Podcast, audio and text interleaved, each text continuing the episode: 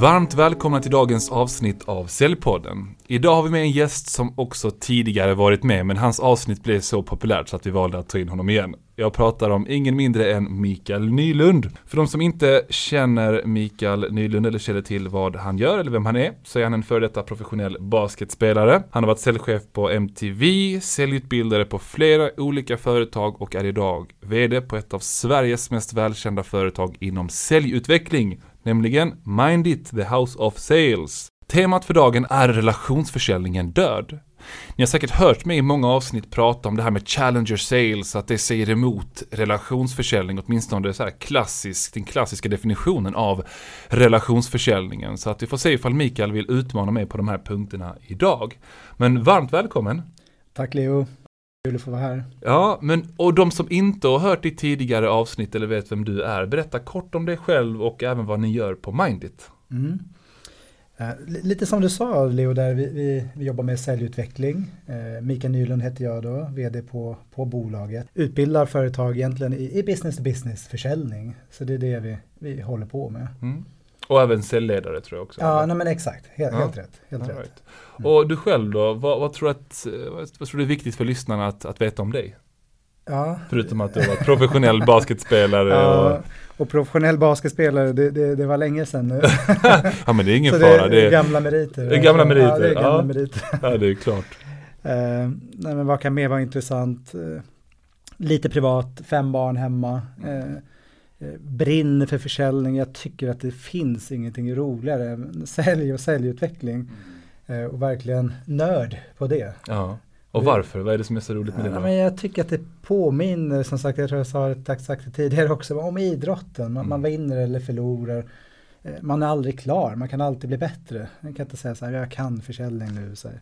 Nej, det finns alltid nya nivåer och det tycker jag spännande, är verkligen. Det finns så många aspekter av det här psykologiska mm. spelet. Mm. Både vad du säger, vad kunden säger, kroppsspråk och allt möjligt. Att vi, och sen så blir vi också påverkade av marknaden, eller hur? Både vi som säljare men även framförallt då kunderna och deras inköpsprocesser. Hur vi ska anpassa oss till det. Så att, ja men det är jättekul att ha en så pass kunnig och erfaren person som, som du i podden. Tack Leo. Men eh, temat för dagen är som sagt är relationsförsäljningen död. V vad innebär relationsförsäljning för dig? Det är lite kul. För du, du, frågade mig om det innan och mm. jag kollade faktiskt på ChatGPT. Jaha, okej. Okay. Eh, Spännande. Ja. Eh, och, och vad, vad, säger de om definitionen av relationsförsäljning? Och då skrev de så här. Relationsförsäljning kan definieras som en försäljningsmetodik som fokuserar på att skapa och underhålla starka och långsiktiga relationer med kunderna. jag älskar vi kan använda ChatGPT. Ja. Eller hur? och jag tycker att det är lite kul också för jag tänker att vi kommer prata om, jag får bestämma lite ja. kring teknikutvecklingen och då blir ju bland annat då ChatGPT ganska intressant ja. i, i, det hela. Absolut. Och jag tänker att innan vi, vi hoppar vidare på relationsförsäljningen blir jag mm. nyfiken på hur du tror att säljare kan använda sig av sådana här robotar som eh, AI-robotar som ChatGPT mm. i sitt säljarbete. Har du några mm. spontana mm. tankar kring det? Ja men jag, tidigare så hade jag bara hört att det är ungdomar som använder det i skolan för fuska och sådär. Men nu jobbar jag med ett, ett, bolag för några veckor sedan bara och då skulle vi ta fram en så här hisspitch. Alltså du vet, hur kan vi presentera oss kort, alltså kort och koncist så till våra kunder i mejl men också i ett samtal så. Och då, då var det en grupp som faktiskt använde då den här chatt eh, AI-funktionen då och fick fram en klockren eh, hisspitch. Wow. Eh, och så att uppenbarligen så funkar det. Ja. Eh, det blev inte lika kul för mig för jag hade tänkt att vi skulle lägga viss tid på att jobba längre. fram det här. Ja. Och så bara, ja det fixar de på några sekunder. Eh. Spännande. Jag, jag pratade med, jag är inte meningen att avbryta det här, men jag pratade med en säljare eh, som jag känner, en, en vän till mig också. Mm. Och han är då uppvuxen i en förort i mm. Göteborg. Och han säger att ibland har han lite problem med det svenska språket, inte att tala det utan snarare mm. i skrift. Mm. Och vad han då gör är att om man ska skicka iväg ett jätteviktigt mail till en kund så slänger han in det i ChatGPT och säger hej skriv om det här så att det blir rätt formulering och eh, och sen ibland, det beror på liksom vad syftet är, men och gör om det här till lite story istället för bara fakta som jag presenterar. Och han säger att han aldrig har blivit besviken på ChatGPT. Så inför varje viktigt mail skriver han in det här och ber ChatGPT att formulera om det. Och så skickar han iväg mailet exakt så som de eh, ber honom skriva det. Så att jag tror att det finns massa olika eh, användningsområden för ChatGPT. Jag håller med, håller med. Och det är coolt att det är så bra på svenska också, inte bara Mm. på engelska som Mm. det brukar vara med nya verktyg. Jag, jag, tycker, jag har ju testat en hel del själv Mm. och jag tycker att det blir bra. Sen tycker jag att man behöver lägga in lite Kärlek. Man, man, man, man, lite kärlek, exakt, bra beskrivet. Lite kärlek i det innan Mm. man skickar, tycker jag då. Ja, absolut. Men samtidigt kan det också vara hur bra man är på liksom, ge beställningen till Exakt. Eh, alltså vad är det man vill ha ut Ja. av det. Eh, och det är säkert träning i det också. Ja, precis. Var det någonting som, som jag avbröt dig kring när du skulle prata om ChatGPT och hur det kan användas i säljet eller var det mer den idén som du Nej, det var det. Var det. Eh, Ja, ja. det, var det, det, var det. Och om vi hoppar tillbaka till det här med relationsförsäljningen. Mm. Varför är det ens tal om att relationsförsäljningen är död? Jag, jag tycker att det finns fler anledningar och jag vet inte om du håller med där eh, Leo att många gånger de bolagen vi träffar så är försäljning lika med relationsförsäljning. Mm, Har, absolut. har du samma upplevelse? Ja, ja, absolut. Åtminstone är deras eh, synpunkt att det är så. Eh. Alternativt är det att de inte har jobbat väldigt mycket med proaktiv försäljning utan bara satsat Ja. på sina relationer och fått sina leads därifrån. Så att Mm. deras definition, absolut, det är att Mm. relationsförsäljningen det är det som leder dem till framgång. Ja men exakt. Och jag fattar det, för jag, alltså både du och jag vet ju att det finns massa fördelar med att ha en bra relation. Så. Men, men jag, jag kan tycka, dels så teknikutvecklingen som chatt-funktionen utmanar ju liksom relationen. Jag, jag skrev upp också några andra grejer här. Jag tänker nya köpbeteenden. Mm. Alltså, förut när jag höll utbildning så frågade jag alltid så här, men vad, vad är det vi köper online? Och då fick jag några grejer. Nu går det fortare, så här, men vad är det vi inte köper online? Alltså det går fortare att svara på det. Ja. Och sen sist men inte minst då förändringar i arbetslivet. Och då tänker jag, en av våra kunder är ju ett rekryteringsbolag då, bemanningsrekryteringsbolag. Och de sa att man i genomsnitt nu jobbar ungefär tre år på en arbetsplats. Vilket gör att ja, det går inte att bygga relationer på samma sätt som våra Mm. föräldrar kunde göra. Det var en livstid liksom på samma arbetsplats. Exakt. Så det är några så här grundfundament som någonstans förändrar Ja. och gör att ja, relationer är inte lika viktig, den kan inte vara lika viktig, den bör Mm. inte vara lika viktig, Mm. eh, tänker jag.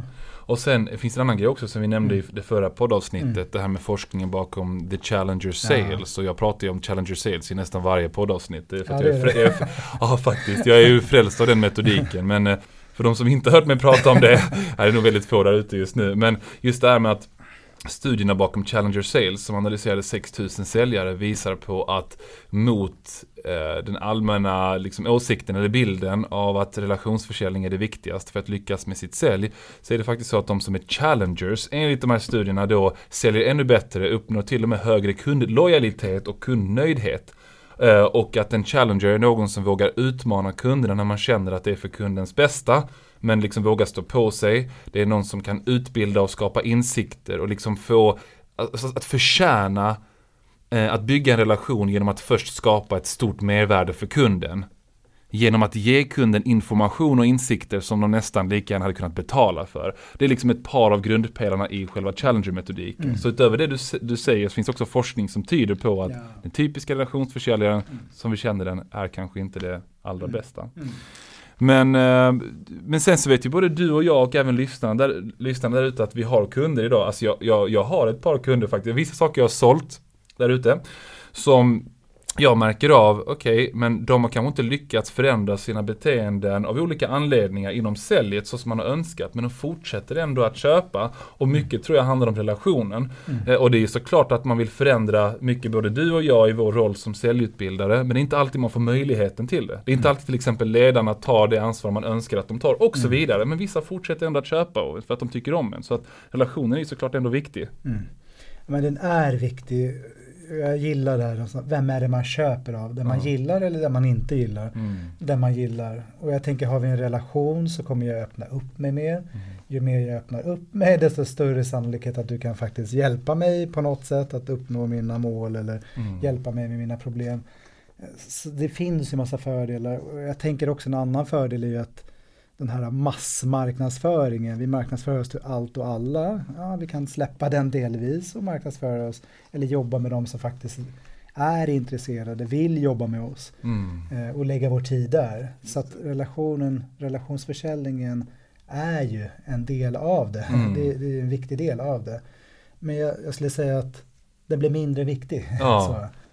Men om man, skulle, om man skulle analysera en säljare genom en säljprocess till Mm. exempel och så skulle du säga att det här är en relationsförsäljare till Mm. exempel. Vad skulle få dig att bedöma en säljare som att det här är en relationsförsäljare? Vilka tecken letar du efter då? Mm. Signaler på Eh, beteenden. Ja men exakt, det som är intressant tycker jag att för det första, om jag får bara säga, Ja. när jag pratar om en challenge, så säger- för jag gör också det, Ja. det är inte bara du, jag gör också det. Det är typ ingen eh, som jag träffar som hört talas om det till Nej, jag också. Jag, jag Ja. chockad varje gång och det här är den så största och mest välkända säljboken Mm. under de senaste tio åren, eller hur? nej, Men, men eh, uppenbarligen så har den inte nått Sverige, eh, Ja. så, och svenska säljare. Men vet du vad, förlåt jag ska avbryta det där. Ja. Det är inte många svenska säljare som läser säljböcker heller. För tänk Helt. bara Spin Selling som kom ut på slutet av 80-talet. Vem kände inte till den? Jag, jag ställde frågan igår framför, vad var det, 35 pers? Erfarna säljare. Inte en enda kotte räckte upp handen. Mm. Så att jag, jag tror att det mer handlar om Mm. det än att det inte har nått Sverige. Eh, sant. Jag, jag, håller- men jag håller med och jag tycker att det ändå är lite, det är synd. Ja.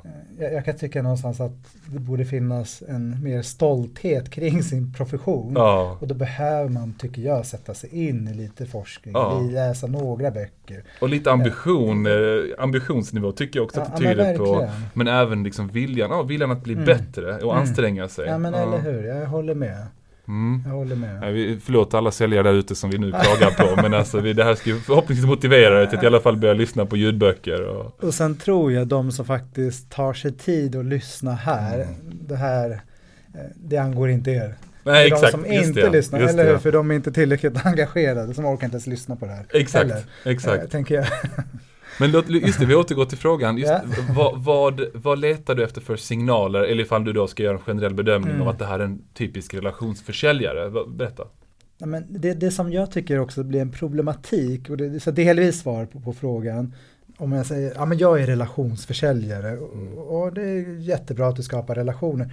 Men har man det som liksom ingångstanke, att jag ska skapa en relation här nu. Många då slarvar ju då med förberedelsen, för jag tänker att ja, men jag är så himla skön, härlig person, så jag behöver inte förbereda mig. Det kommer klicka, det kommer bli mysigt och vi kommer sitta där och hålla handen. Eh, Men, och det är fantastiskt när det funkar, men när det inte flyger så blir det ganska dåligt. Mm. Så, det är ett högt fall, så att säga. Ja, Så många gånger så- som svar på frågan då, det är att relationsförsäljaren tenderar att inte göra samma förberedelse. För att man tror att man ska kunna hämta hem det på vara, vara härlig och trevlig. ja precis. Och jag tycker också att man lägger för mycket tid i det här kallsnacket i början istället för liksom, kom till saken. eh. Ex, exakt. Så, och det kan jag tycka att man ser ganska tydligt. eh, Ja. Så. Ja. Och jag skulle säga att det, det finns ju väldigt många beroende på vilken målgrupp man bearbetar. Också såklart vilken region. För det finns regioner i Sverige där det är så att du måste på något sätt skapa relation med mig för att det är väldigt familjärt i den här lilla orten eller liknande. Men det är också väldigt många där ute, eh, främst när man går på medelstora och större företag, som inte vill skapa relationer, åtminstone inte inledningsvis med en säljare, utan som snarare är så här, men show me what you got. Och då kan man, eh, ska man säga, ha ganska många minus eh, på listan om man då försöker skapa för mycket relation, för det kan kännas nästan manipulativt istället för någonting som är positivt. Det, det är en sak jag tänker på. Och sen finns det en annan aspekt i det hela också att det är många, ursäkta att jag är kritisk, här, men många som säger jag är en relationsförsäljare. Vad innebär det? Jag har så lätt att skapa relationer med människor. Jag eh, är en personkännare eller vad man än kan säga. Och så följer man med dem ut på möten och så känner man att de kan inte ens tolka kundens signaler på ointresse av att skapa en relation. Eller ointresse kring andra saker de säger. Så jag tror att vi har, många utav oss, en bild av att vi är kanske lite bättre än vi faktiskt är på att känna av ifall någon vill skapa en relation eller inte med oss. Håller med. Ja. Håller med. Men, eh, men sen tänkte jag på på, på en annan grej, eh, förlåt nu tanken här, Ja, men det är det här med att, att för mig är den optimala relationsförsäljaren någon som är en kameleont. Mm. Alltså vad jag menar, det, det innebär att kunna känna av rummet, känna av individen du träffar och kunna anpassa din dialog utifrån det. Vilket också har liksom med Challenger att göra med att anpassa budskapet, eller hur? Håller med. Ja. Håller med. Mm. Så, men har du några liksom funderingar eller kommentarer baserat på de här tre bitarna jag pratade om eh, eller något att komplettera Mm. med kring relationsförsäljaren? Vad känner du? Nej, men jag tycker du har sagt det bra. Jag skrev upp en mening som kommer liksom Mm. från den här studien. Mm. Och du var inne på den också. En god relation är ett resultat av och inte orsaken till framgångsrik försäljning. Så någonstans, jag kan tycka så här, sluta fokusera på, på relationen. Alltså, mm. Förstå mig rätt, det är oviktigt på ett sätt. Fokusera istället på att skapa värde. Ja. För skapar vi värde, ja, men då kommer relationen komma. Ja. Om det finns någon personkemi och så vidare. Men fokusera inte på det, det blir resultat av en, ja. någonting du har gjort som skapat värde. Ja. Så, så det låter bara komma. Sen finns det ju undantag. Det finns den här liksom eh, Gustav eller Mårten eh, 72, nej jag höll på att säga, det är inte jättemånga Gustav 72, men som bara vill sitta och prata om sin segelbåt där och ju mer man lyssnar på dem desto bättre blir det kanske inledningsvis. Du, jag, ser, jag ser att du ser tveksam ut, men jag vet själv flera affärer jag har gjort, inte som säljutbildare för det är lite andra typer man stöter på, mm. men, men historiskt sett av de som bara vill sitta och prata om andra grejer, men det är de som tar initiativet och inte mm. du. Mm. Det är vad jag har märkt av som skillnaden. Men, ja. men du verkar ändå vara lite med ditt kroppsspråk, ja fast träffar jag på en sån person brukar jag ändå försöka vända dialog dialogen till någonting annat. Eller? Ja, Tolkar jag det rätt? Ja, men lite så. Jag såg skeptisk ut. Jag kände mig skeptisk. men, men jag köper det. Det finns ju så många olika typer av försäljning. Ja. Så att det går inte att säga så här är det alltid.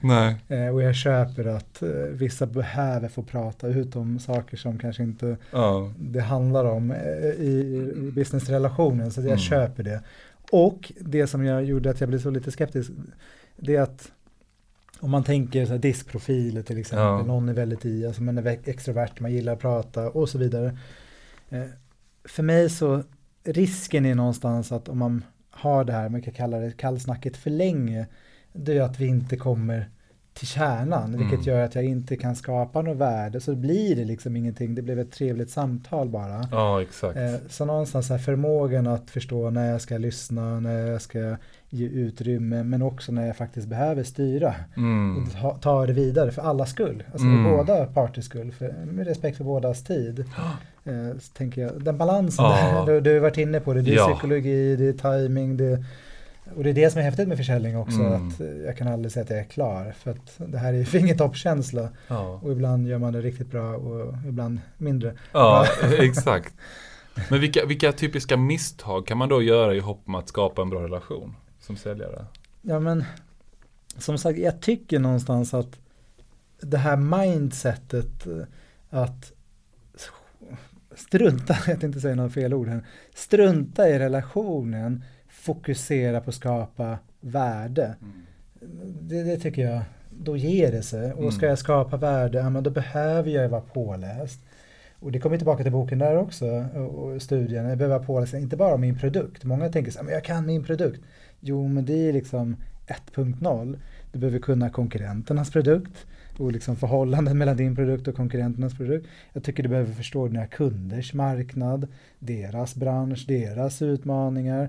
Så att någonstans så ställer det ganska höga krav på oss som, som säljare. Mm. Och jag skulle också tycka så här att ett mindset borde vara, vi ska inte sälja grejer, eh, vi ska hjälpa kunderna mm. att göra någon form av förflyttning. Eh, och, och, då tänker jag att mindsetet skulle kunna bli att ja, men jag är inte säljare, jag är affärsman, mm. affärskvinna.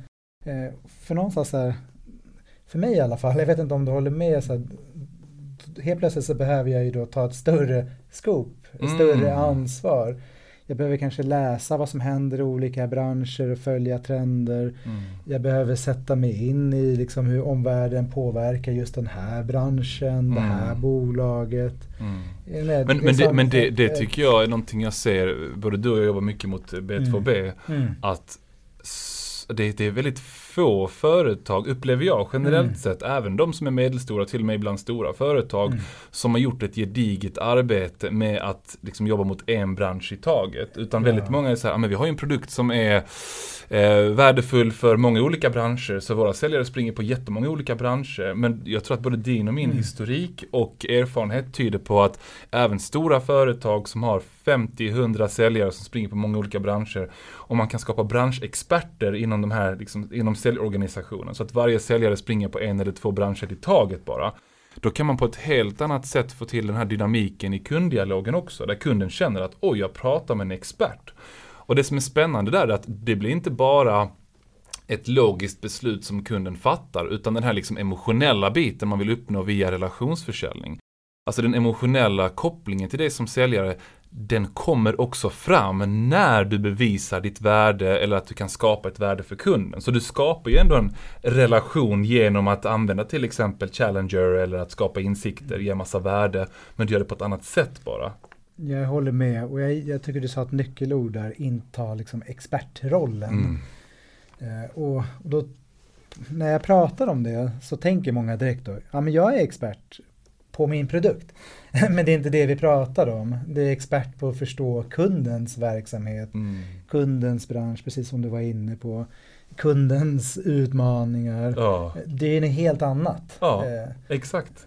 Och det, jag kan ta ett exempel. Det var ett, eh, ett företag inom mediebranschen som jag hjälpte. Och eh, de hade en, en, del av säljarna som, som var experter på eh, mäklare och hur mäklare kan arbeta. Och när de satt och kallringde mäklare, då, då, då, då ville jag att de skulle gå ifrån det här klassiska med att Åh, ni kan annonsera via oss för att eh, få till ett starkt, starkare varumärke här. Utan snarare tänka, okej, okay, men vad är faktiskt aktuellt i mäklarbranschen just här och nu och göra ett litet förarbete. Då sa okej, okay, räntorna är väldigt höga, folk är rädda för att sälja eh, sina bostäder eftersom de måste köpa mycket dyrare och liknande. Men det är ju det perfekta läget om bostadsmarknaden har gått ner med 20%. Nu ska jag inte bli alldeles för liksom, siffror så här. Och du tänker köpa något dyrare, något större.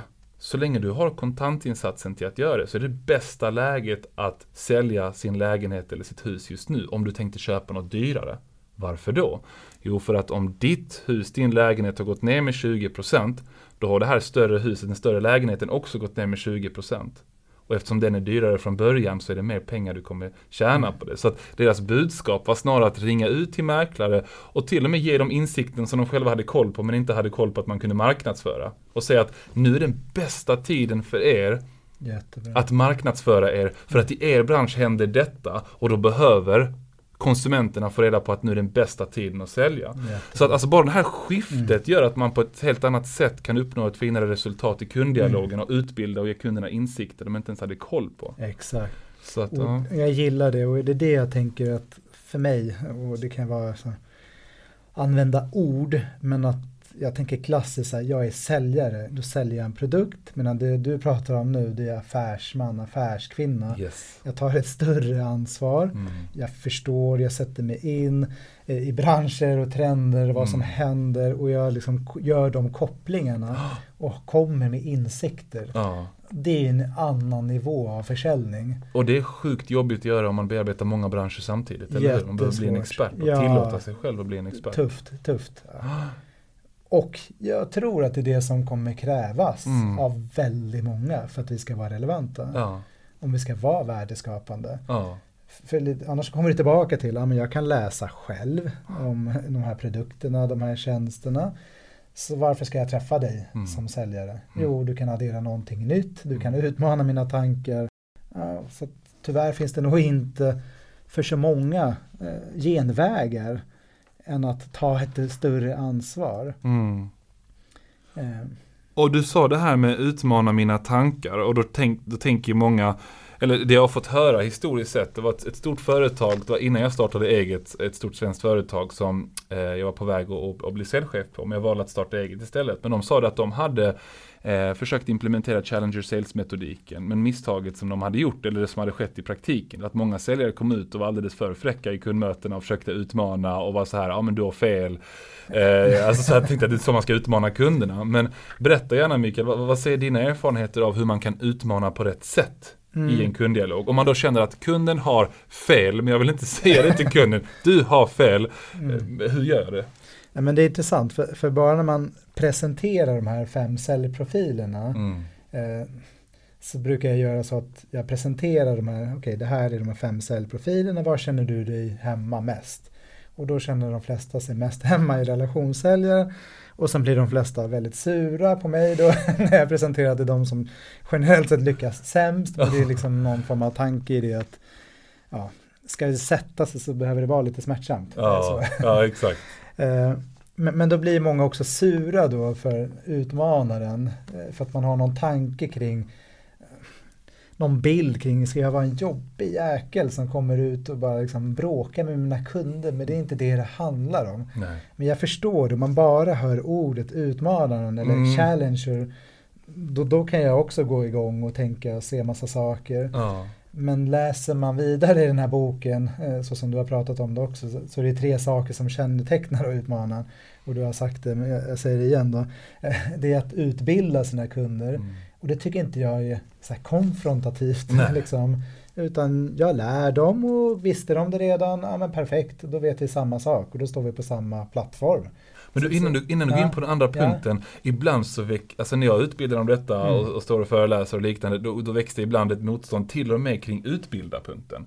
Och, och, och, det motståndet är så här, ja men vadå, ska jag stå där och liksom utbilda kunden, då kommer de ju känna att vem tror du att du är, jag kan ju redan detta. Alltså den inställningen. Men jag tror snarare att det där är en rädsla som säljaren har av att de kanske inte känner att de är tillräckligt duktiga på att utbilda idag. Men som kanske man kan göra det på rätt sätt också. Kanske inte bara säga, hej kära kund, du kan inte detta, detta kan jag. Det är inte den känslan man ska förmedla. Helt Men rätt. berätta gärna, vilka, vilka tankar har du när jag berättar om att jag ibland stöter på den utmaningen? Jag håller med dig 100%, jag känner igen det Ja. 100%. Och jag tycker att, eh, jag tror, jag är rätt säker på att en, en, en rädsla i att gå in i utmanande, det är precis som du säger, att ja, men kan jag verkligen komma med någonting som är relevant för kunden?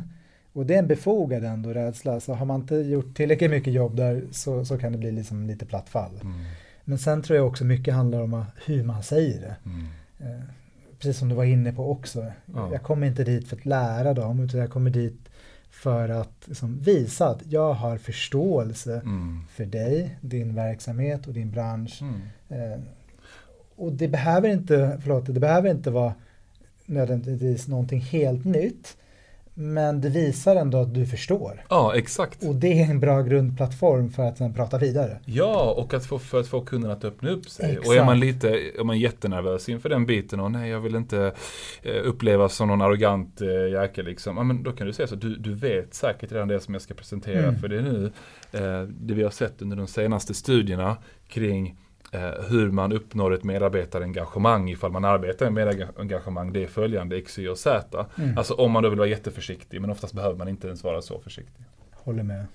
Okej, så det var grundpelare ett att utbilda eller teach som de säger, de här tre T som vi ska komma in på här eh, om just eh, challengers som vi pratar väldigt mycket om även ifall det här är ett avsnitt kring relationsförsäljaren just för att den här studien verkligen går emot eh, att man ska vara en relationsförsäljare eh, åtminstone när det kommer till de som presterar bäst. Mm. Så berätta, vilken är den andra grundpelaren? förmågan att skräddarsy. Och jag tänker att för mig så hänger de ihop. Jag, för att kunna skräddarsy, det är någonstans, tänker jag då, att jag behöver vara relevant för just den här personen, för just den här branschen. Så då kommer det tillbaka till min förmåga att vara förberedd, Mm. min förmåga att sätta mig in i den andras perspektiv. Så att jag inte har samma grej för alla, one size fits all, amerikansk t-shirt. Eh, den passar alla men ingen är riktigt nöjd. Eh, Så, så hur kan jag skräddarsy det här så att det blir relevant för den jag har framför mig? just det. Och det här kräver ju lite, eller ganska mycket av mig som säljare men också som, om man ska bli riktigt bra så kräver det en del av, av organisationen som du varit inne på också. Mm. För någonstans så kan jag tycka att det är på ett sätt ett organisationsansvar, delvis i alla fall. Mm. Hur vi gör som du var inne på, setupen, ska jag ansvara för den här branschen eller för alla branscher?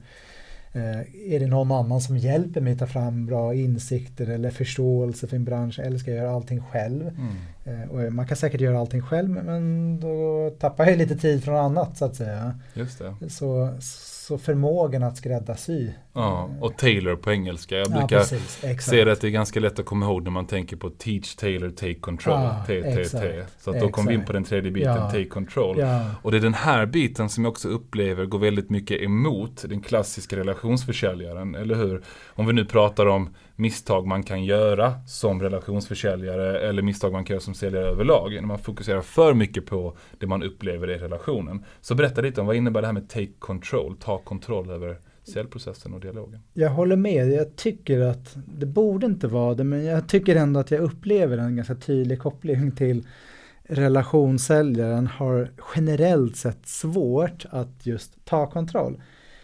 Och- jag tror att det handlar om någon form av rädsla att ja, men ska vi skapa en relation här, ja, men då kan jag inte styra så mycket utan då ska det vara kallsnack, det ska vara liksom eh, snack som inte handlar om affären så att säga. Eh, men ta kontroll, men, förklara gärna ja, vad det innebär begreppet ja, ta ja, kontroll. Men exakt, och jag tänker att det styra dialogen, ja. styra dialog, men också styra säljprocessen om man mm. tänker ett längre perspektiv. Mm. Och jag gillar en jätteenkel modell mm. eh, i mötesinledningen mm. som jag kallar SAFT, bara för att det är enkelt att komma ihåg. Där S då står för syftet, A står för agendan, F står för förväntningar och T för tid. Jätteenkel modell, men många missar det. Alltså mm. vad är syftet med mötet? Vad är anledningen till att vi är här idag? Vad är agendan? Jag tänkte prata om de här tre sakerna. Är det i linje med dina förväntningar? Eller vad vill du uppnå med den här stunden? Vi hade bokat en timme, det är fortfarande en timme vi har. Så den där enkla starten mm. tycker jag blir att så, jag styr, jag har en tanke, det finns en plan, jag är förberedd. Mm. Så det behöver inte vara jätteavancerat. Nej. Men man behöver göra det. Ja, men och det skapar ju rätt förutsättningar för att kunna få en kontroll över dialogen. Men det visar ju också att du är, vad ska man säga, att du tänker mycket på kunden. Alltså att du visar kunden att du har respekt för deras tid, respekt för vad vi ska prata om. Så att du, jag tror att du slår alla flugor i en smäll på det sättet. Men jag tycker det. Och, och sen om det är någon person som har ett behov av att prata lite runt omkring. Ja men du kan göra både och. Mm. Eller hur? Du kan styra och så ger du lite utrymme för att diskutera. Och sen mm. kommer du tillbaka och styr och sen ger du utrymme för vidare diskussion. Ja. Men det här att jag är ansvarig, jag har en plan, mm. jag har ett tydligt syfte, jag har respekt för din tid, jag har respekt för min egen tid. Mm. Det tycker jag är en jäkligt viktig grund. Mm. Och som sagt, sen får det bli en relation eller så blir det inte en relation. Ja. Eh, det visar sig, men jag, oavsett, jag har en plan. Ja, precis. Jag tycker det är lite intressant hur säkert både du och jag utmanar säljchefer i möten som säger att de inte har jättemycket utmaningar med de här bitarna. Och då brukar jag säga så här, framförallt med, med fokus på den tredje. Jag brukar fråga, om, om du ser över alla dina säljares pipelines, alltså alla affärsmöjligheter de har. Hur många procent av deras affärsmöjligheter har de ett inbokat nästa steg med kunden i kalendern? Och då säger de, ah det är svårt, jag har inte CRM framför mig nu. Men om du skulle gissa på det, ah men kanske 40-50%. Och då säger jag så att då ligger ni så långt ifrån de främsta säljorganisationerna i Sverige. För de ligger på minst 80%, till och med upp mot 90%. Mm. Alltså tittar man i pipelinen, vilka av dessa är ett nästa steg inbokat med kunden i kalendern? Och det, det, är också någonting som jag märker av att när jag, när jag pratar med en säljkurs, där det finns många så kallade relationsförsäljare, att bara det här med att Eh, i slutet av ett möte inte säga Åh men eh, eh, tycker du att det är en bra idé att vi tar ett nästa möte? Alltså inte sådär utan snarare summera varför vi ska ta ett nästa steg och sen säga Låt oss då göra så här att vi bokar in en tid nästa vecka på onsdag, den här tiden i kalendern eh, och så får du tid att göra X, Y och Z inför det mötet. Alltså att mer ta tag, liksom, ta tag i taktpinnen. Det är många som är jätterädda för att göra det för att de är såhär, jag vill inte trampa kunden på tårna. Typiskt sett relationsförsäljare. Håller med 100%. Och jag kan tycka också att det, det, det blir tydligt i mötesförberedelsen. Okej, vi ska gå in på ett möte nu Leo. Och så skulle jag fråga dig om du, om du var extrem relationsförsäljare då.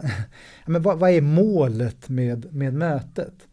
Blir det något vagt svar, ja men då har man ju liksom inte, mm. kan jag tycka, möjligheten att ta kontroll. Ja. Eh, och då kan det vara så här att svaret då blir, ja men jag ska sälja, okej. Okay. Eh, ska du sälja här och nu? Ska de skriva på eller vad?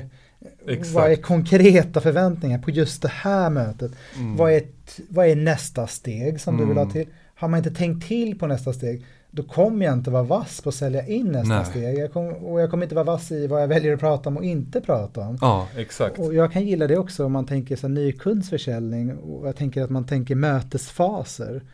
Att, och hur ska jag förklara det kort? Många gånger om man tänker nykundsförsäljning beroende på bransch och så vidare så har vi inte bara ett möte och sen är det klart utan man har ett möte och sen förhoppningsvis mynnar ut i ett nytt möte och ett nytt möte kanske så. Och då skulle man kunna kalla det för mötesfaser. Och då kan jag tycka att det finns ett stort värde att tänka till, men vad är nästa steg jag mm. vill ta med den här kunden på? Vad är mm. nästa fas? Vad är nästa steg? För någonstans har jag bestämt mig för, okej okay, det här är ett nykundsmöte, nästa steg är att jag ska, låt säga, ha ett fördjupningsmöte. Ja. Har jag bestämt mig för det, då pratar jag inte om allt om oss, jag pratar bara Mm. tillräckligt mycket för att jag ska få ett nästa steg. Ja. Eh, Jag ställer relevanta frågor, jag gör en summering och jag säger till och med i början av mötet, så här, syftet med mötet är det här. Mm. Eh, agendan som jag tänkte det här. Mitt mål, jag kan säga, jag är helt tydlig med det, mitt mål är att vi ska få ett fördjupningsmöte. Det här är ett introduktionsmöte, vi ska få till ett fördjupningsmöte där vi fördjupar oss i det här. Mm. För då har jag redan sålt in det och förutsatt att vi hittar någonting som blir värdeskapande för oss båda. Ja. Då har jag sålt in det. Eh, Och, och vi har båda varit med om det här med att vi har varit säljchef på företag där säljare kommit tillbaka från ett möte och hur gick det? Det gick jättebra, det var ett superbra möte. Okej, vad är nästa steg? Ah, vi skulle nog höras av här i nästa eller näst, nästa vecka. Det är, så, det är jätteotydligt.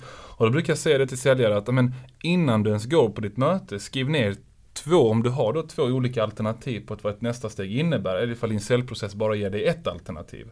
Ett nytt möte med fler beslutsfattare ifall det finns sådana. Eller ett nytt möte där vi pratar om implementering. En offertgenomgång ifall man har väldigt korta säljprocesser. Skriv ner det på ditt papper eller på någon post-it-lapp om du har ett digitalt möte. Så då kan du hålla ett fokus och veta vad ska jag uppnå i det här mötet. Och aldrig lämna mötet utan att i alla fall ha försökt uppnå det. Jättebra. Och om kunden inte är med på att ta det här nästa steget med dig i kalendern, då är det oftast inte tillräckligt hett. Det är så här hot or not, eller hur? Håller med. Och har man gjort den här förberedelsen, vilket väldigt få gör, då tycker jag att man ska säga det. Ja. Som sagt, Ja. mitt mål det är att nästa steg är, låt säga, en offertpresentation. Ja. Förutsatt att du tycker att eh, det jag pratar om är relevant Exakt. för er. Så att man, liksom, man implementerar, det är lite som Mm. marknadsföring, du har jobbat med marknadsföring, alltså med mediebolag. Ett reklambudskap behöver höras flera gånger för att nå fram. Jag behöver säga det i början, jag behöver säga det i mitten, jag behöver säga det på slutet så det inte blir så här Förresten, eh, Leo, vi kanske skulle ta ett möte till Ja. där vi pratar om äh, någonting, eh, Ja. nej. Och, och, och har du någonsin, nu, nu byter jag, eller jag, jag pratar fortfarande här med att ta kontroll för att det, det är ett så intressant ämne och går verk, verkligen emot eh, vad många som anser sig vara relationsförsäljare vill göra i praktiken. Har du någon gång varit med om när du ska köpa en bil eller något annat, alltså be, få se helt enkelt att någon har bokat in ett nästa steg med dig i kalendern. Har du varit med om det? Eh, nej. Nej, och inte heller de som liksom, du bor väl i villa idag eller lägenhet? Villa. Mm. De som knackar på och vill sälja solceller eller vad det än kan vara för någonting. De bokar inte in ett nästa steg i kalendern med det. De kan kanske göra så att, att de vill ta ett uppföljningsmöte om du vill ha det. Men vad jag vill säga det är att det här är relevant även inom B2C. Håller med. Och till och med inom, alltså de som arbetar med ren telefonförsäljning och har korta säljprocesser. Om du vet att kunden inte kommer fatta ett beslut eller säger att de, inte, att de vägrar fatta ett beslut där och då. Och du ändå tycker att det är hett nog att följa upp på. Men boka upp ett fem minuters samtal via kalendern med kunden. Så att eh, det är minst lika relevant för du tappar kontrollen över säljprocessen. Alltså jag minns, jag pratade länge och mycket om det här, men jag var och testade en BMW, jag ska byta, byta bil nu igen och jag fastnade för en bil. Tyckte, åh det här var helt fantastiskt och så här. Men, och säljaren märkte av att jag var lyrisk över det. Han, jag till och med berättade vad jag gjorde för någonting, så han visste att men jag kan nog betala för den här bilen också. Och vad händer? Jag har inte fått ett enda återkopplingsmail, ingen uppföljning, ingenting. Och väldigt mycket när man gör den här typen av köp handlar om det emotionella.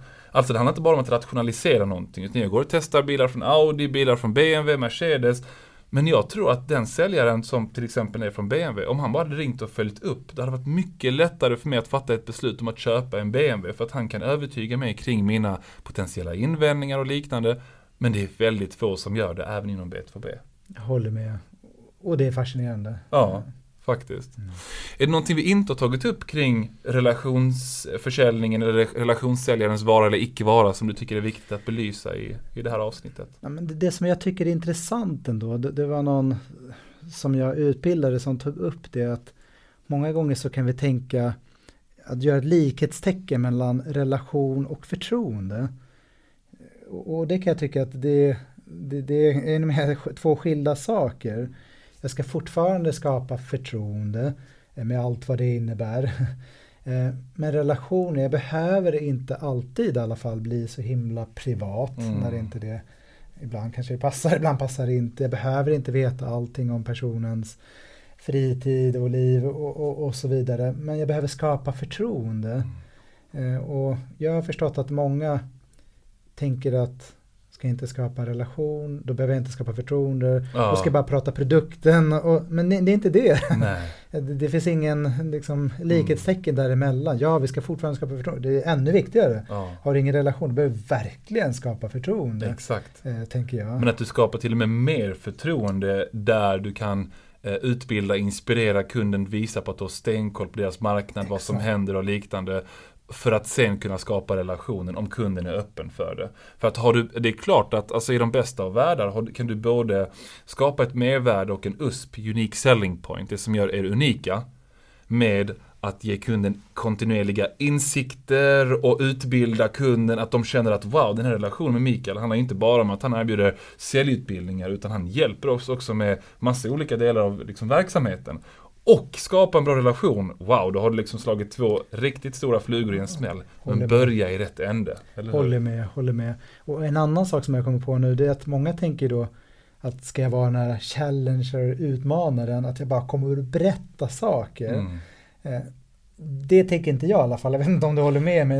Jag kan, jag, jag, jag, kan, jag, kan, jag kan, ja precis, men du märkte med att jag är lite så här. Ja, nej, vi kan ta den. Ja, men så jag tänker att ja, vi kommer dit och berättar, alltså vi styr mötet, vi har en tydlig agenda, vi har tydligt syfte, vi har tydligt nästa steg, vi styr mötet, vi styr dialogen och det är inte motsägelse, alltså det är inte motsägelsefullt Mm. att vi ändå är väldigt nyfikna och gör en bra behovsanalys. Ja. För där tror jag många tänker Exakt. att jag ska bara berätta och så ska Ja. de bara köpa det eftersom jag berättar. Nej, att du utbildar, det handlar ju någonstans att du ska skapa tillräckligt mycket förtroende så att du vill öppna upp det för mig. Ja, så ja, jag ja, möjliggör exakt. ju en, en mer relevant och värdefull Japp. behovsanalys. Ja. Så det är inte så att den, den behovsanalysen försvinner, nej, den är Nej. fortfarande central som den alltid har varit tycker jag i försäljning. Den är sjukt viktig. Så att det, det finns inget motsägelsefullt i det. Precis, Eh. jag, jag, det här varför jag såg lite tveksam ut var för att det väckte gammalt minne när jag skulle få min andra säljchefstjänst. Då var jag vid ett eh, rekryteringsföretag och då sa hon det till mig, rekryteraren lite kryptiskt. Men Leo, berätta, vad är den viktigaste egenskapen hos en säljare? Och då sa jag massa olika grejer som jag nämnde inte det som hon tänkte på och då sa hon, ah, jag håller inte riktigt med. Jag håller med om saker du säger men det finns något som är mycket, mycket viktigare. Vi har två öron och en mun av en anledning. Att vi ska lyssna dubbelt så mycket som vi pratar. Och så funderade jag en del på det och sa, men ja, ja men nej, det beror lite på. För är man en bra challenger så istället för att ställa frågan till kunden, vilka utmaningar har du kring det här området? Så kan man säga, när vi stöter på företag i er bransch som vill göra den här förflyttningen, eh, då brukar man säga att de har utmaning X1 och X2 som ofta leder till de här konsekvenserna. Och sen ställer frågan, berätta, Exakt. har ni upplevt det eller någonting som ni vill undvika att uppleva framåt? Ja, vi har faktiskt upplevt det. Alltså att det blir en helt annan dynamik i dialogen om du först berättar en story till exempel som inspirerar, som berättar om hur andra företag har jobbat och sen ställer frågan till kunden. Och jag tror att om du skulle tajma dig själv i ett sånt här riktigt bra möte där du är en challenger på riktigt, men när du anpassar det du säger utifrån vad kunden faktiskt behöver höra, då kommer du prata eventuellt lite mer än kunden, beroende på vem kunden är också. Jag håller med, men, men och, och. ja, men jag håller med 100 procent.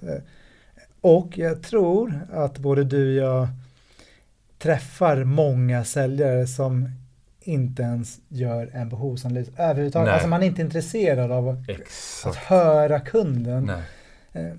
Eh, Så att när vi börjar prata challenger, risken är ju att man, man har inte ens förstått grunden. Att Ja. ja. men det är bra faktiskt lyssna på kunden, förstå Ja. vad kunden säger, summera vad kunden har sagt. Återkoppla eh, till det. Återkoppla till det. Använda kundens egna ord för att avsluta affären. Ja. Ja men så risken är att när vi pratar liksom, om nu ska du ta kontroll, du ska skräddarsy, du ska Ja. utbilda. Och så har man inte ens förstått att man ska ställa frågor. Det finns vissa utmaningar i Absolut. att få det att flyga då hela Ja. vägen. Så det man kan säga, det, förlåt nu avbröt jag det, men, Nej, det men man kan säga att använd Challenger för att få kunden att öppna upp sig och, och bygga på det här förtroendet för då kommer de prata mer. Exakt, Ja. ja. Och det blir relevantare diskussion. Ja, För att de vill öppna upp sig för att du förstår. Mm. Du är värd att prata med för att Mm. du har faktiskt lagt lite tid på att förstå mig och min verksamhet. exakt. För jag får höra det ganska ofta. Jag vet inte om du får höra det Leo, där att ja, men du förstår. Ja, Du förstår vår verklighet. japp. Eh, underförstått då tänker jag, men kul att jag förstår det och bra att jag förstår det för jag har lagt lite tid på det, på att förstå. Mm. Men underförstått så tänker jag också att det har ringt massa andra personer som inte har förstått. Ah, Ja, som bara så här, här ska jag kränga en säljutbildning. Exakt. Ja. Här, köp de här. Ja, Okej, precis. vad kostar de? Ah, ja, det var för dyrt, hej då. exakt, exakt, jag håller med. Ja, men jag är jättetacksam för vår dialog idag. Eh, Du har gett mig massa nya insikter och även våra eh, lyssnare Det kan jag garantera dig. Och eh, ja, hur tar man kontakt med dig och varför tar man kontakt med dig vid intresse? Hur man tar kontakt lättast kanske kan vara att gå in på mindit.se. Mm. Mm. Där hittar man mina kontaktuppgifter och våra kontaktuppgifter. Varför? Jo, men jag tänker om man är intresserad av att ta sin försäljning till nästa nivå, varför inte ta hjälp? Mm. Och jag gillar det, man kan lära sig på två olika sätt. Genom egen erfarenhet eller genom andras erfarenhet. Egen erfarenhet är bra ibland. Vissa saker vill man lära sig på egen hand, vill man uppleva på egen hand. Mm. Och sen tänker jag att det finns massa personer som har gjort och gått igenom massa, så varför inte ta hjälp? Det är mm. Väldigt tidseffektivt, kostnadseffektivt, eh, det går fortare. Ja. Eh, och tid är någonting vi alla har ja. begränsat av, mm. så att säga. Ja. Så varför inte ta hjälp? Och Mikael Nylund på LinkedIn. Också, Absolut, yes. Så att, eh, ja, men lägg gärna till både Mikael Nylund och mig, Leonardo Johansson, så lovar vi att dela med oss av massa härliga säljtips på LinkedIn. Och eh, ja, tack för att ni lyssnade på det här avsnittet. Tack för att jag fick vara här.